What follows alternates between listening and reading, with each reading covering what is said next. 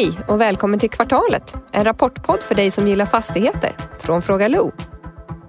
I detta avsnitt hör vi Carola Lavén, VD för Besqab, kommentera bolagets rapport för andra kvartalet 2021. Intervjun görs av Sverige Tor och spelas in på länk. Besqab är en bostadsutvecklare som utvecklar bostads och hyresrätter i Stockholmsregionen och Uppsala. Bolagets vinst under andra kvartalet 2021 uppgår till 59 miljoner kronor, motsvarande 3 kronor och 82 öre per aktie. Kvartalets rörelsemarginal uppgick till 7,2 procent. Besqabs balansomslutning uppgår till 3,7 miljarder kronor. Det egna kapitalet är 1,7 miljarder och soliditeten således 46 procent. Avkastning på eget kapital var 9,4 procent. Bolagets VD är Carola Lavén.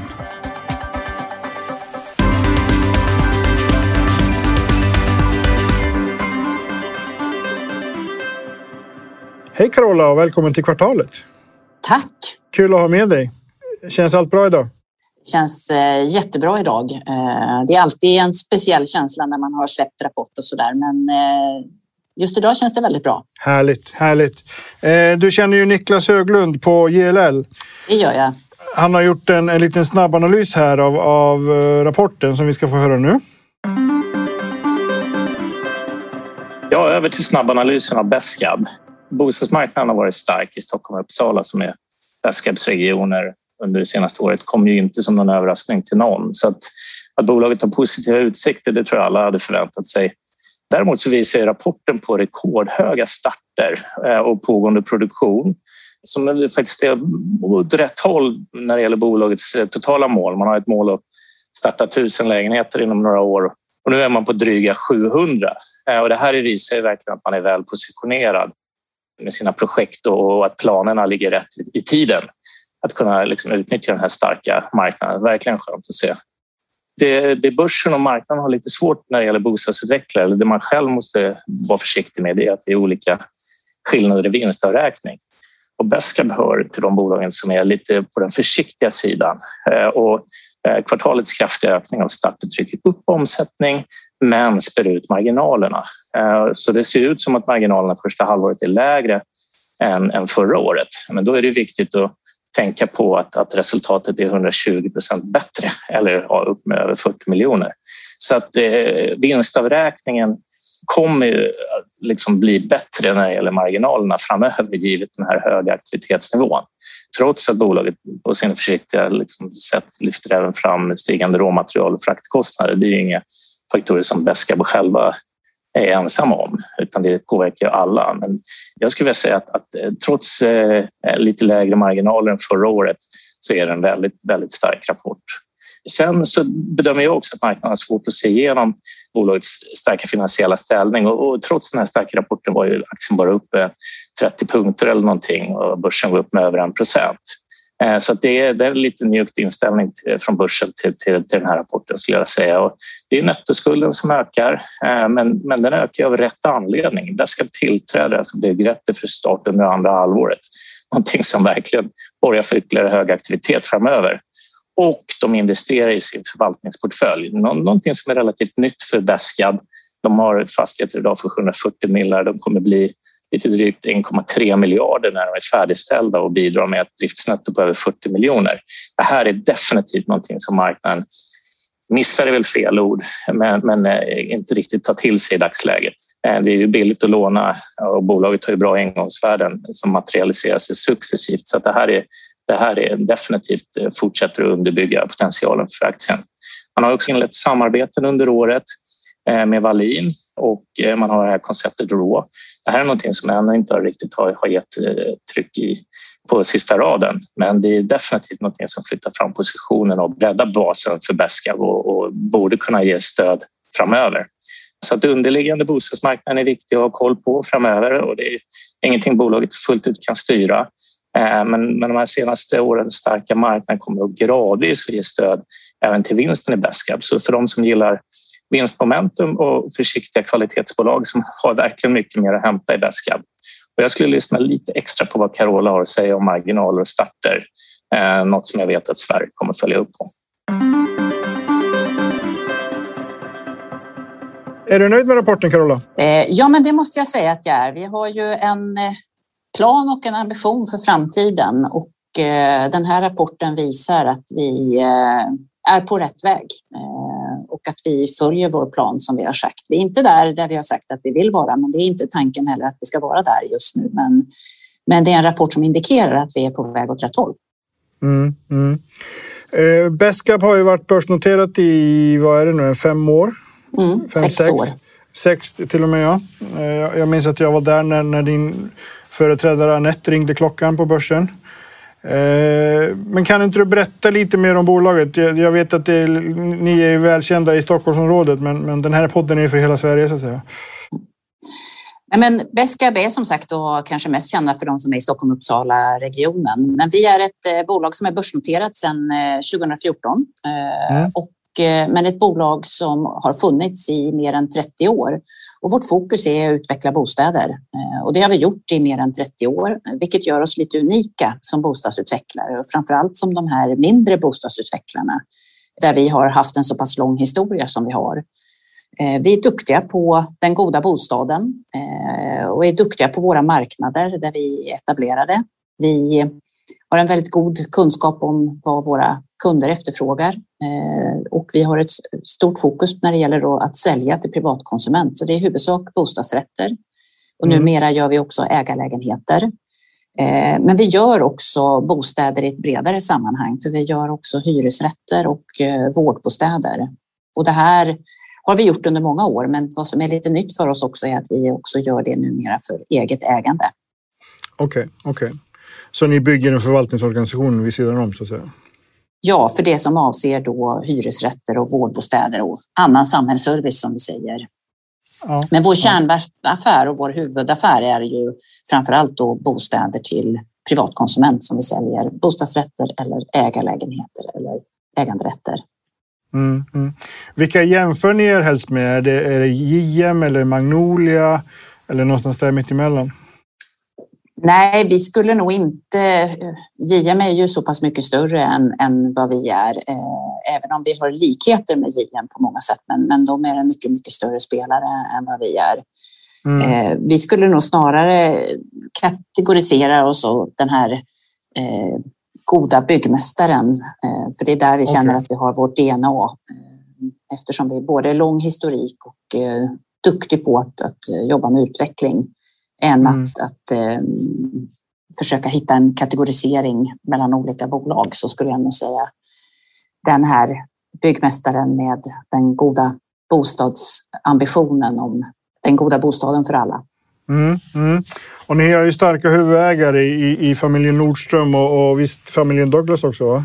Ja, det stämmer. Mm, mm som har varit med egentligen från faktiskt det bolaget grundades av entreprenören Isidor Andersson så var familjen Nordström med tidigt eh, och har varit med under hela utvecklingen av Beskabs historia. Mm, mm. Ni, ni, har ju fokuserat, eh, framförallt så var det i Stockholm från början. Ni har gått över till Uppsala lite grann och sen noterade jag i, i rapporten Mellansverige också, olika orter i Mellansverige. Det är ett ganska brett begrepp. Är det ja. något specif specifikt? Nej, men det är ju så att vi förvärvade ett bolag för eh, cirka ett år sedan eh, som heter Rå Property, eh, där mm. vi är hälftenägare. Ett spännande bolag som startat av några med, eh, som har framförallt hämtat inspiration internationellt med att utveckla råa bostäder. Okej. Okay. Vad är en rå bostad? En rå bostad är en, en bostad där du får ett, ett ännu större möjlighet att påverka själv. Du kan flytta in i den som den är, den är färdig. Eh, men den är betongren och det är ett rum och kök oavsett om det är 30 kvadrat eller 170 kvadrat. Okay. Eh, men det är färd, du, kan, du kan flytta in och du kan använda den. Det är en färdig toalett och det finns en enklare, eh, ett enklare kök.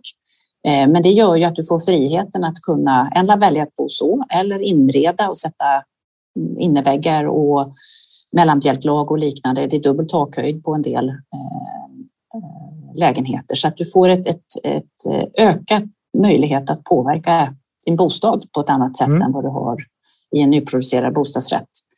Okay. Eh, och det här är ett spännande koncept som finns utomlands, men vi har då köpt det här bolaget där man då har markanvisningar i fler orter än Stockholm och Uppsala.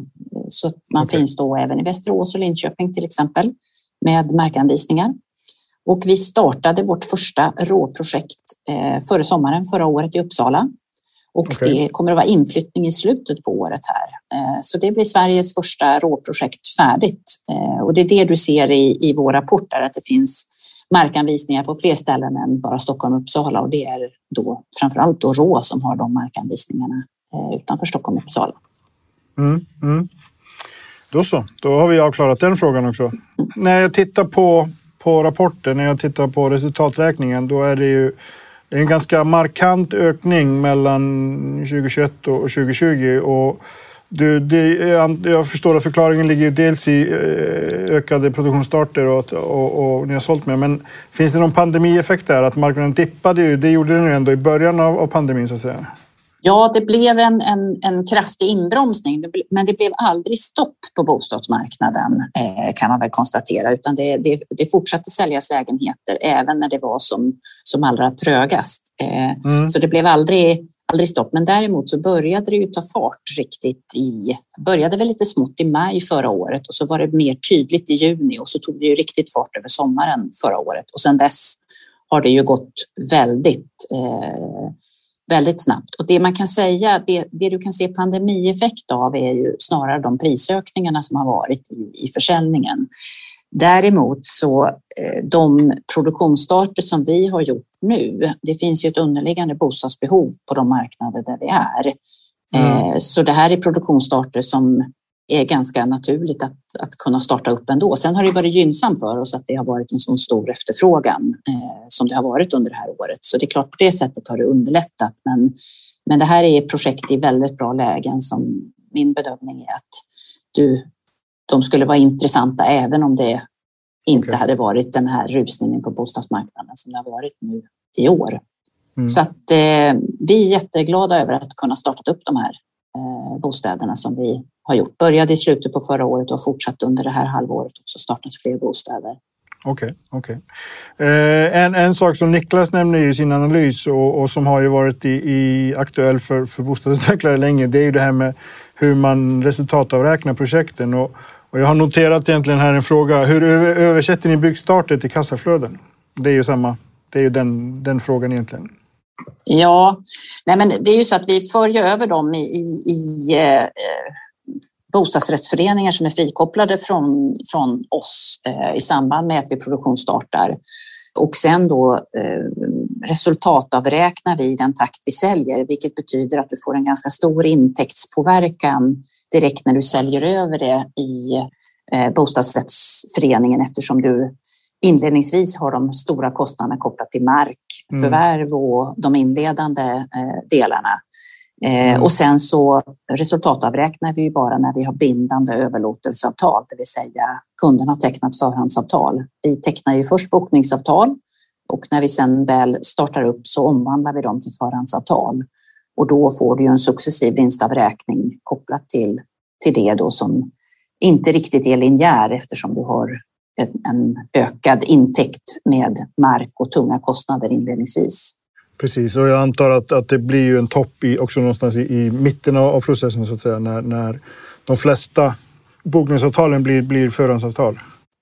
Ja, precis. Och så samtidigt så kan man säga på slutet om du har lägenheter kvar att sälja jämnt över perioden eh, så, så får du också en, en eh, lite bättre resultatavräkning mot slutet av dem. Det, men det hänger ju som sagt var i takt på i den försäljningstakt som du har på, på bostäderna också. Mm, mm. Eh, vi var ju in, in, lite inne på det här med marknader i, i, eh, lite tidigare och det har ju varit Stockholm och Uppsala och, och sen är ni inne på de här nya råmarknaderna. Då. Men, men finns det några fler alltså, marknader som ni, du ser att Bestcap skulle liksom kunna etablera sig på inom ganska nära framtid, säg närmaste tio åren kanske? Nej, men det, det kommer det att göra. Vi har ju en ambition om att växa framåt eh, successivt. Eh, vi kan växa där vi är. Vi kan bli större på de marknader där vi redan är, Stockholm-Uppsala marknader, för det finns utrymme för det. Eh, men det är klart, över sikt så, så skulle vi gärna eh, bredda oss också geografiskt och det finns intressanta marknader för oss att, att göra det. Det finns framförallt då kopplat till där det finns en befolkningstillväxt som är ju basen för en, en bostadsutvecklare. Mm, mm. Och framförallt bostadsutvecklare för nyproduktion så är ju basen att du har en, en stark befolkningstillväxt i botten. Mm. Men jag, jag, jag utgår från att ni ändå kommer jobba utifrån Stockholm. Jag menar, om man tar Skellefteå eller Gällivare där det händer rätt mm. mycket och man ser framför sig en, en befolkningstillväxt. Det är kanske inte marknaden som Beskab kommer gå in på. Nej, vi kommer ju, och man kan säga att det är lite skillnad om du jobbar med att sälja till privatkonsument, bostadsrätter och det. Du måste först och främst marknaderna tåla liksom prissättningsmässigt det. Eh, och ska man dessutom jobba med det så måste man lokalt vara väldigt förankrad för att kunna göra det, för du måste veta eh, och kunna prissätta det rätt. Jobbar du med hyresrätter kan du ju vara lite bredare i din geografi. Mm. Mm. Då är det inte riktigt lika känsligt. Men, men eftersom vi i grunden är en bostadsutvecklare med, med bostadsrätter så vill vi hålla oss till de marknader där du ser att både Eh, betalningsviljan och förmågan eh, finns för det i botten och att vi kan vara lokala där, att den är tillräckligt stor marknaden för att kunna eh, göra mm. det. Mm. Så Stockholm kommer alltid vara navet oavsett hur man, hur man ser det? Ja, Stockholm, vi, det är här vi började och det är här vi är stora. Så det är klart, det är också härifrån vi ska utgå. Men det finns ju fler marknader än Stockholm på sikt som, som absolut skulle vara intressanta för oss. Det låter ljuvligt för mig som bor i Skåne. Ja. Eh, du, om man tittar på, på... Du nämner ju i vd-ordet att ni har haft lite strul med vissa myndighetsprocesser som du kallar det och, och nämner ju planprocesserna där. Är det några fler eh, processer än bara planprocesser och är det några vissa marknader som sticker ut där? Och när vi säger myndighetsprocesser så tror jag att jag var var lite tydligare också på att det var bygglov framför allt som har det som har tagit lite stryk under, under det här coronaåret. Och, och med tagit lite stryk så, så har kommunerna haft tufft att hantera för att i, i pandemins spår så är det många bygglov som har kommit in till kommunerna och då är det inte bara vi bostadsutvecklare utan då är det ju alla altanbyggare och hemmafixare som kommer in med sina bygglov. Så det har ju varit ett enormt ökat tryck på mm. bygglovenheterna på de allra flesta kommunerna och en, eh, i kombination också med en hel del personalomsättningar och liknande så har det blivit en trång sektor som förut inte var en trång sektor på det sättet. Det har vi märkt av på, på flera eh, kommuner där vi är verksamma och vi är inte ensamma om att ha märkt av den utmaningen. Och det är klart, för oss måste vi ha ett bygglov för att vi ska kunna mm. starta mm. projekten mm. och kunna lova en inflyttningstid till våra kunder som har köpt bostäder. Så det här är en en eh, process som tidigare inte... Det, är alltid en hel del saker att hantera i bygglov, men nu har det blivit extra komplicerat och utmanande att komma fram med det. Okej, okay, okay, Du nämner ju lite det här med husdrömmarna i, i, i vd-ordet och, och liksom att pandemin har ju agerat som någon form av ja, katalysator för att många, många satsar på det istället för en semester. Typ.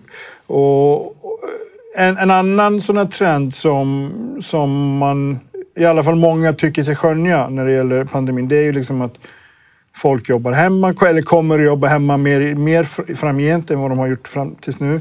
Det i sig i sin tur ställer ju lite andra krav på bostaden. Folk kommer kanske inte sitta hemma i köket och jobba utan de vill ju ha liksom ett, ett arbetsrum, eh, eh, vilket kan då kanske tolkas över till en större bostad. Ser ni på Beska på att ni kommer att behöva man justera standardprodukten om jag uttrycker mig så på något sätt på grund av det här. Mm. Nej, men, och det har vi redan sett.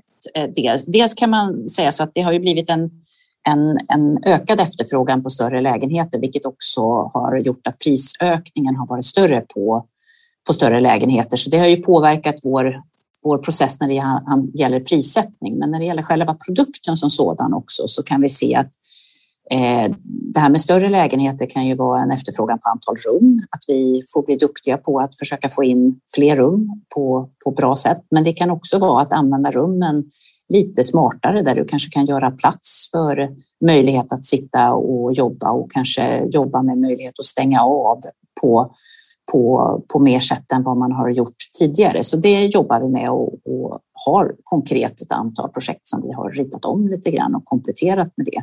Mm. Men sen mm. kan man också se att det eh, som är då gemensamhetslokaler och liknande kan också öppna upp för möjligheter att kunna ha en egen liten möjlighet i föreningen att kombinera med att sitta där och jobba eh, och inte mm. bara i den egna bostaden. Och det håller vi också på att titta på en del projekt. Så det blir en del sådana här följdeffekter på själva produkten eh, också. Det där tycker jag är jätteintressant. Kan det bli liksom en, jag menar att, att en förening blir en, någon form av lokal coworking hub till och med? Ja, det kan det säkert bli att du eh, kan nyttja. Det finns ju idag gemensamhetslokaler som föreningarna oftast har, men de kanske inte nyttjas. Så man kan ju tänka till kring var ligger de någonstans och hur, vad ger man för möjligheter att kunna använda dem? Och det är ju någonting som, som säkert kan komma. Sen måste säkert föreningen vara av en viss storlek för att kunna vara det. Men jag tror det finns absolut möjligheter att tänka i de mm. banorna. Mm. För att gå, gå till jobbet men bara behöva gå några trappsteg ner. precis, precis. Man behöver inte ens byta kläder. Eh, två frågor har jag egentligen kvar som jag, jag tycker att eh, det ena är ju eh, finansiering. Mm. Ni har precis eh, emitterat en, en, obligation, den första, halv miljard. En grön obligation. Eh, hur ser finansieringsstrategin ut framgent? Är, kommer obligationer vara en självklar del av den? Kommer ni kanske gå övervikt obligationer? För jag antar att ni har ju kört bank innan dess då? Men bank är ju fortfarande det som vi använder mycket. Vi har ju det framför allt då som byggnadskreditiv när vi, när vi bygger, eh, både när vi bygger för oss själva och mm. när vi bygger i våra föreningar. Och det är det är den absolut viktigaste och billigaste källan för oss eh, att finansiera. Och här jobbar vi med eh, och har en jättebra relation med, med alla bankerna och har också ett track record som gör att vi har möjlighet att kunna ha byggnadskreditiv i ganska låga försäljningsgrader, vilket är, är en viktig förutsättning för att kunna starta. Så det är mm. en viktig finansieringskälla för oss. Och sen är ju bankfinansiering även för våra färdigställda förvaltningsfastigheter en, en viktig finansieringskälla. Mm. Sen lyfter vi obligationen därför att vi är i en expansionsfas och det här ger oss då ökade möjligheter att eh, nu expandera på det sättet som vi gör. Vi har gjort en hel del större förvärv eh, nu och vi eh, håller på att starta upp mycket projekt som kräver en del kapital och då är det en jätteintressant finansieringskälla för oss att kunna ha som komplement till vår övriga bas. Mm. Det har ju gått myter i branschen om, om, om en av era konkurrenter som vi nämnde i början och deras landbank. Kommer Beskab att bygga en landbank på, på samma sätt för liksom att alltid kunna ha projekt i, i pipe? Jag tror vi har ju idag nästan 4 000 byggrätter och det är klart, ska vi gå upp i, i, i produktionstakt så måste ju vår, eh, vår byggrättsportfölj bli större. Mm. Och eh, vi har ju en ambition om att, att växa den och hittills så är ju egentligen bara 20 procent av den byggrättsportföljen upptagen i balansräkningen. Okay. Och eh, ambitionen framåt är ju för att kunna växa så kommer vi fortsätta ha markanvisningar där vi inte behöver ha det på balansräkningen. Men vi kommer också att behöva göra förvärv eh, som sannolikt kommer att ligga på balansräkningen. Men tricket som utvecklare är ju att göra, det går lätt att fylla på portföljen men har du fel byggrätter i portföljen så kommer det att slå dig i nacken sen när du ska köra igång projekten. Så det är vi mm. väldigt försiktiga med att ta på oss fel typer av eh, projekt, för då kan den där landbanken bli väldigt dyr i slutändan. Eh, mm. Så att eh, som sagt, då ska vi gå upp i volym så kommer det säkert att bli en del som ligger mm. på balansräkningen också på sikt. Mm. Det, det för oss egentligen in på, på nästa fråga. Det, det är liksom riskerna. Eh, det, ditt jobb som vd, det är att hålla koll på. Du, du, du ska ju vara den tråkiga i rummet, liksom. den vuxna i rummet som det heter i politiken. Jag antar att den största risken är ju om, om marknaden skulle kollapsa. Det finns ju de som redan börjar kraxa om att eh, alltså, den kanske har pikat.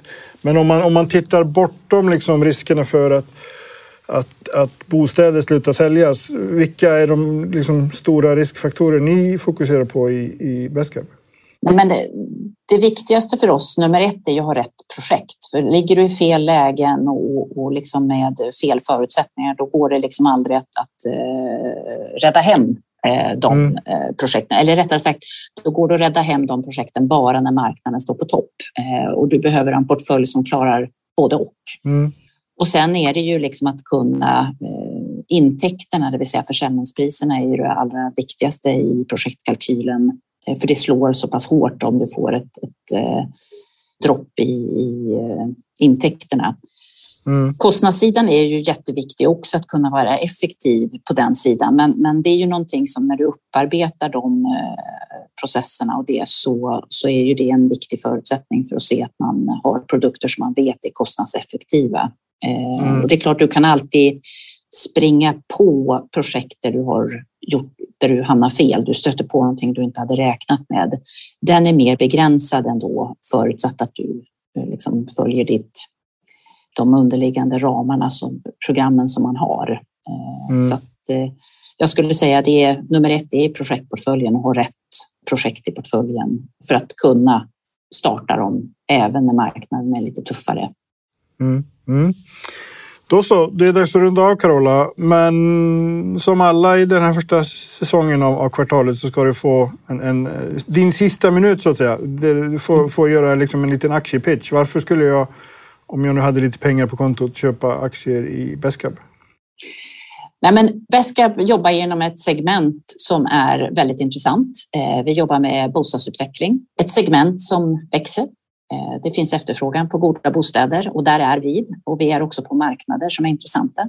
Med vår historia och med vår ägarbild och med vår starka bostadskompetens så får man ett plus ett blir tre. Ett jätteintressant segment en väldigt kompetent bostadsutvecklare med stark ägarstruktur och finansiellt väldigt stark och kan ta hävstång på det. Toppen! Stort tack Carola, vi, vi hörs igen. Mm, tack så mycket! Och trevlig sommar på dig! Detsamma, trevlig sommar!